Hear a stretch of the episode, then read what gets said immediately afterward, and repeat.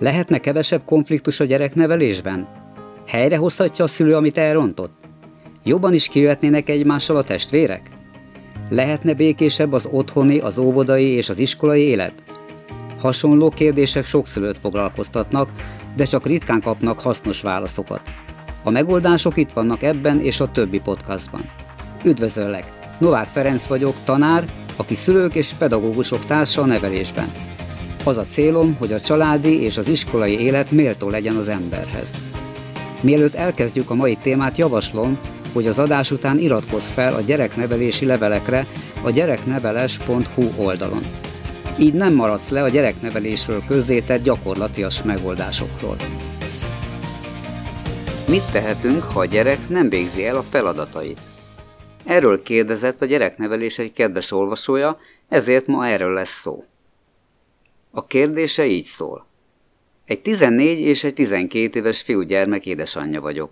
Nem tudom megértetni a fiúkkal, hogy van feladatuk, és hogy azt el kell végezniük még úgy is, hogy én nem vagyok ott mellettük minden percben. Ebben szeretnék segítséget, tanácsokat kapni.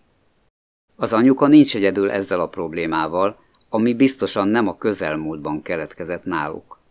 A helyzet valószínűleg fennáll már jó ideje, mégis lehet rajta változtatni. Ha kisgyerek neveléséről lenne szó, akkor abból az irányból másféle válaszokat adnék, mert viszonylag könnyű felépíteni és megtartani a kötelességtudatot, míg kissé nehezebb helyrehozni, ha már egy ideje leromlott. Mivel már nagyfiúkról van szó, ezért van egy előny és egy hátrány. A hátrány az, hogy egy régóta tartó nem kívánatos játszmát kell abba hagyni a szülő és a gyerek oldalán is. Az előny pedig az, hogy ekkora gyerekekkel könnyű megértetni néhány alapvető fogalmat, amit egyébként kicsikkel nem is kell, mert velük másképpen építjük fel azt, hogy tudják, hogy van dolguk, és hogy azt nekik kell elvégezniük. Amikor a gyerekek még kicsik, meglehetősen aktívnak találjuk őket. A rájuk bízott feladatokat koruknak megfelelő mértékű időtartamig kitartóan képesek végezni. Az időtartam hosszát most nem részletezzük pontosan a gyerekek kora szerint, mert itt inkább nagyobb gyerekeket nevelők számára részletezünk megoldást a helyzet javítására. Annyit azonban leszögezhetünk, hogy néhány nevelési hiba már két és három éves kor között megtalálható volt, ha 8, 10 vagy 13 éves korban azt tapasztaljuk, hogy a gyerek nem végzi el a feladatait. Mielőtt a megoldásokra térünk, azért felsorolom azokat a gyakori hibákat, amelyek oda vezetnek, hogy a gyerek nem végzi el a feladatait. Ne ragadj majd le ezeknél túlságosan, mert ma nem a hibák részletezésével foglalkozunk, hanem azzal, hogyan hozzuk rendbe, ha már kialakult az, hogy a gyerek általában nem végzi el a feladatait. A következő okok mindegyik elé tedd oda gondolatban, hogy sokszor és sokáig. Tehát sokszor és sokáig nem engedtük meg, hogy segítsen, mert gyorsabb vagy biztonságosabb volt, ha mit csináltuk, amiben segíteni akart. A következő, Kivételesen, de valójában gyakran megengedtük neki, hogy eltérjen a családban megszokott ismert szabályoktól. Alulméretezett vagy túlméretezett feladatokat kapott. Túl sokat kapott ahhoz képest, amit saját korához képest nyújthatott volna azzal szemben. Túl sokszor helyette végeztük el a feladatait. Nem dicsértük meg azért, ami a feladata volt, mert úgy gondoltuk, hogy az elvárhatóért nem jár dicséret. Túlméretezett dicséreteket kapott apróságokért. Nem értette meg, hogy mi egy család, és mik benne a szerepek. Hogyan juthatunk el oda, hogy mondjuk egy tíz éves gyerek, aki már leszokott erről, ismét elkezdje elvégezni a feladatait? Mit érdemes tenni, ha a gyerek nem végzi el a feladatait, pedig már tíz éves? A már ezerszer elmondtam kezdetű dorgálás biztosan nem segít. Van azonban négy egyszerű lépés, amit türelemmel és kitartással végezve sikerre juthatunk. A lépések a következők. Ismerkedés a szavakkal, feladatok és elosztásuk, feladatok időzítése és gyakorlás. Az első lépés, ami ismerkedés a szavakkal, elméletinek tűnhet, de az ide tartozó szavak ismeretének nagyon is fontos, nézőpontot formáló szerepe van. A további három lépés azonban teljesen gyakorlati jellegű. Mind a négy lépés olyan, amit a gyerekkel könnyedén végigcsinálhatunk a cél érdekében. Nézzük most meg az első lépést. Ez az ismerkedés a szavakkal. Ha a gyerek nem végzi el a feladatait, és kora 8 és 14 év közé esik, akkor a szókincse lehetővé teszi, hogy megtanulja néhány szó jelentését. Amíg ezek lényegét nem érti, addig nem is lehet számára reálissá tenni, hogy van feladata, mi az ő feladata, és hogy miért végezze el. Ezért az első lépést néhány nagyon egyszerű szó jelentésének megtanulása. Köztük olyanoké is, melyekről a gyerek és szinte mindenki más is azt gondolja, hogy tudja a jelentését, pedig nem biztos, hogy elég jól érti. Ezek a szavak a következők. Csere, kötelesség, elvégezve és felelősség. Soroljuk itt fel ezek egyszerű meghatározását. Az itt ismertetetteknél természetesen több jelentése is van a szavaknak.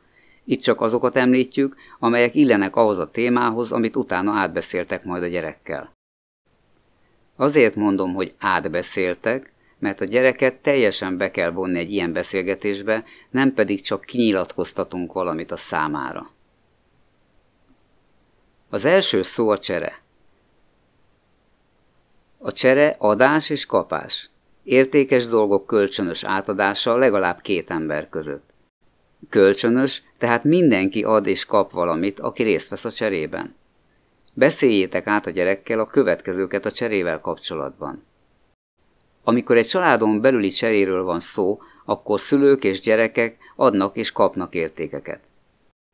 Családon belül értékes például mesét mondani a gyereknek, értékes az egymásról való gondoskodás, enni adni a másiknak, értékes, ha rendet hozunk létre a rendetlenség helyén.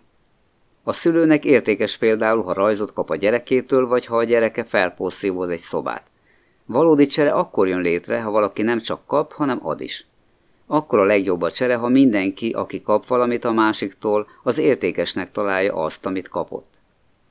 Ha valaki mindig csak ad, de nem kap, akkor nem jön létre csere. Ha valaki pedig csak kap, de nem ad, akkor sincsen csere. Ha a családtagok között nincs csere, akkor nehéz boldognak lenniük.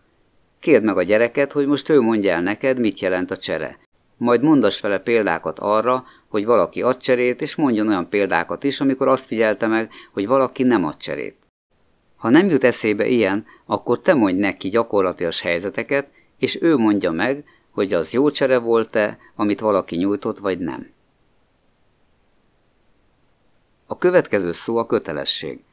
Ez olyan elvégzendő feladat, cselekvés, amit egy embernek muszáj megtennie, mert az az ő dolga. A kötelesség olyan feladat, aminek az elvégzése elvárható valakitől.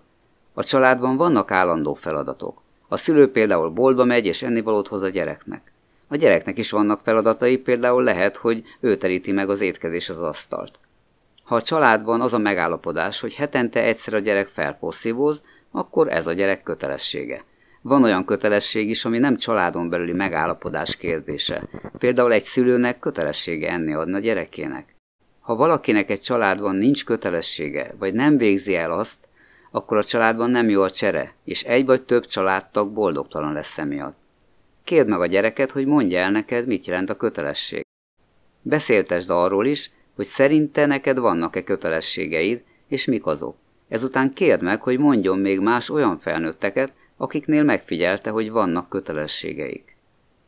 Amikor ehhez a ponthoz érkeztek a gyerekkel, egy rövid demonstráció következik. Tegyél öt-hat almát az asztalra. Mondd a gyereknek, hogy vegyen el egy almát, és tegye félre az asztalról egy az ülében lévő tálba vagy táskába. Kérd meg, hogy vegyen el még egyet, és vegye magához azt is. Amikor már mind eltűnt, akkor kérdezd meg, mi történne, ha senki sem tenne ezután almát az asztalra. Beszélgess még vele néhány további kérdésről, amelyek ezek. Elvárható-e egy szülőtől, hogy ennivalót vegyen, hogy legyen mit enni a gyereknek? Kérd meg, hogy mondjon egy olyan tennivalót, amit te elvárhatsz tőle. Amit mond, azt fogadd el tőle. Ha nem a tanulást mondja, te magad semmiképpen se erőltesd rá, hogy a tanulást mondja, mert az önmagában is egy külön nagy téma. A következő szó az elvégezve. Ami el van végezve, az kész van. Azt nem kell tovább csinálni. Ha valaki eldöntötte, hogy felporszívózza a lakást, akkor az nem hagy ki egy szobát, mert akkor nem mondhatja, hogy a porszívózást elvégezte, hiszen még tovább kellene csinálni ahhoz, hogy kész legyen. Ha valaki kitett tányérokat az asztalra, de nem rakott melléjük evőeszközöket, nem mondhatja, hogy megterítette az asztalt, mert még hátra van a kanálkés és villa kihelyezése. Mondas példákat a gyerekkel arra, hogy valami el van végezve, és valami nincs elvégezve. Az utolsó szó, amivel megismerteted, a felelősség. Erről az embereknek gyakran a hibáztatás jut eszükbe, mert azon, hogy te vagy a felelős, sokszor azt értik, hogy te vagy a hibás. Mi most nem törődünk a szónak ezzel a jelentésével. A felelősség az a saját magunkról alkotott elképzelésünk, hogy valami a mi dolgunk, a mi feladatunk, valamint felelősség az ennek elvégzésére irányuló késztetésünk is. Aki felelős, az elvégzi a dolgát, aki nem végzi el a dolgát, az pedig felelőtlen. Attól még, hogy másokkal való megállapodás miatt vállalunk el valamit, attól még onnan kezdve annak elvégzése, ami felelősségünk. Ha egy szülő gondozza a gyerekét, amikor az beteg, akkor jól viseli a felelősségét. Ha nem ápolja, akkor felelőtlen. Kérd meg a gyereket, hogy a saját szavaival mondja el, mit jelent a felelősség. Mondas vele példákat arra, amikor látott valakit, aki viselte a felelősségét. Mondas vele példákat arra is, amikor valaki elfelejtkezett a felelősségéről, és ezért valami nem volt elvégezve. Kérdezd meg, kiknek okozna gondot, ha a buszvezető reggel nem kelne fel időben, és ezért hiába várnánk a buszt a megállóban. Milyen gondot okozna nekik? Van még néhány átbeszélni való kérdés a gyerekhez. Mi történne, ha egy boltban az árufeltöltő elmulasztaná kirakni az árut a raktárból a polcokra, ahonnan a vevők berakhatják a kosarukba? Milyen hatással lenne ez a családokra? Milyen hatással lenne ez rád? Miután átbeszélted a gyerekkel, hogy mit okoz másoknak, ha valaki nem viseli a felelősségét, kérdezd meg tőle, hogy kedvelni fogják-e az emberek azokat, akik nem viselkednek felelősen. Néhány további összegző kérdés a felelősségteljes viselkedéshez. Mit okoz nekünk, ha mások nem viselkednek felelősen? Mit okoz másnak, ha mi nem végzünk el valamit, ami a mi felelősségünk? Elvárhatjuk mástól, hogy felelősség teljesen viselkedjen? Érthető-e, ha mások is elvárják tőlünk, hogy viseljük a felelősségünket? A szavak tisztázásával végeztünk a négy lépésből álló sorozat első lépésével. Azt következik, hogy gyakorlatilag tisztázzuk, majd elosztjuk, hogy kinek mi a feladata. Most, amikor már érti, hogy a családban mindenki nyújt valamilyen cserét a többieknek, könnyű dolgod lesz azzal, hogy felsoroljátok, milyen feladatok vannak a családban. Ebben legyenek benne nagyon apró teendők is, mert a feladatok elosztásában ezek válnak majd fontossá. Amikor ugyanis összeírjátok az összes feladatot, amit a családban ellátok annak érdekében, hogy minden gördülékenyen menjen otthon, akkor rendeljétek hozzá mindegyikhez, hogy ki csinálja. Valószínűleg eddig is megvolt mindenkinek a feladata, csak a gyerek nem végezte el az övét. A különbség tehát az, hogy most az összes tennivalót leírjátok, ami sokkal nagyobb mennyiség, mint amit általában felsorolnak. Különbség az is, hogy most pontosan személyhez rendelétek a feladatok elvégzésének felelősségét. A gyerek látja majd, hogy a feladatok többsége a szülőkhöz került, de nem is baj, ha tisztában van vele, hogy a szülők sok mindent csinálnak. Ha a legegyszerűbb, a gyerek által is elvégezhető otthoni tennivalók között van olyan, aminek még nincs gazdája, akkor kérdezd meg a gyereket, hogy lehet-e ez vagy ez is az ő feladata. A harmadik lépés a feladatok időzítéséről szól. Menjetek végig a gyerek feladatain, és rendeljétek hozzá minden feladathoz, hogy azt általában mikor végzi. Ha azt tapasztalod, hogy a gyerek általában elfelejt dolgokat, akkor helyezetek a gyerek szobája ajtajának belső felére egy lapot, amire felírjátok a feladatokat és az elvégzésük időpontját. Ezen hét oszlop legyen, a hét napjait szimbolizálva, és azon belül helyezzétek el, ha az egyes napokon van valami feladata. Ha még nem tud olvasni a gyerek, akkor ábrákkal, képekkel, ikonokkal jelezzétek, hogy mi a feladat. Ne tegyétek a szoba ajtó külső felére lapot, mert a gyereket zavarhatja, hogy amikor vendég érkezik, akkor látja, hogy mi van és mi nincs elvégezve. Ha azt sem szeretné, hogy az ajtaján legyen, akkor tegyétek az asztalára, de jól látható helyre, hogy ott is szem előtt legyen és emlékeztesse a gyereket a tennivalóira. Az utolsó lépés a gyakorlás. A gyerekkel esténként menjetek oda a laphoz, és kérd meg, hogy tegyen egy jelet amellé a feladat mellé, amit elvégzett. Eleinte ez az együttes tevékenység is inspirálja majd, hogy elvégezze a feladatait. Ha valamit nem végzett el, ne neheztelj rá, hanem egy darabig reggel, vagy amikor az iskolából hazajött, akkor is nézzétek át, hogy mik a napi feladatai, mert akkor még van ideje megcsinálni. A cél persze nem az, hogy a te felügyeleted mellett végezz el a dolgait, hanem oda kell eljutni, hogy egyre kevesebb kontroll mellett saját maga miatt végezze el azokat. Ha valami olyat tett a családért, ami nem volt a feladata, akkor erre az esetre legyen valamilyen egyezményes jeletek, amit el tud helyezni a lapon, amikor ilyen plusz tevékenységet végzett. Ez azért is fontos, mert a vállalt feladatok elvégzése talán monoton lehet számára, a ráadásul nyújtott segítség azonban színesítheti a hétköznapjait, és nagyon büszkévé teheti. Ezen a ponton végeztünk az összes lépéssel, de tegyünk egy kis kitérőt a tanulás témája felé. Az iskolai tanulás és a házi feladatok elvégzése ugyanis külön említést érdemel. Ha végigcsinálod az előző négy lépést, akkor azt tapasztalod majd, hogy valamelyest javult az is, hogy mennyire teljesíti a gyerek az iskolai kötelezettségeit, de amikor a négy lépést végzitek, inkább más jellegű feladatai elvégzésére helyezzétek a figyelmet, mert a tanulás témája magában foglalhat olyan korábbi meg nem értéseket, amelyek felszámolására nem ez a négy lépés hivatott. A tanulás iránti motiváció helyreállítása nem öldöngösség, de egy külön téma. Addig is, amit a tanulmányi kudarcoktól való teljes mentesítés előtt annak érdekében megtehetsz, hogy valamelyes képes legyen felvállalni ilyen feladatait is, az az, hogy megkérdezed tőle, hogy mi az a minimum, amit vállalni tud a tanulással kapcsolatban, és amit válaszol, azt fogadd el tőle. Visszatérve az eredeti témához és összegzésül azt javaslom, hogy ha a gyerek nem végzi el a feladatait, akkor csak nyugodtan, sietség nélkül, akár több alkalomra bontva a tennivalókat, csináljátok végig az előbb ismertetett négy lépést.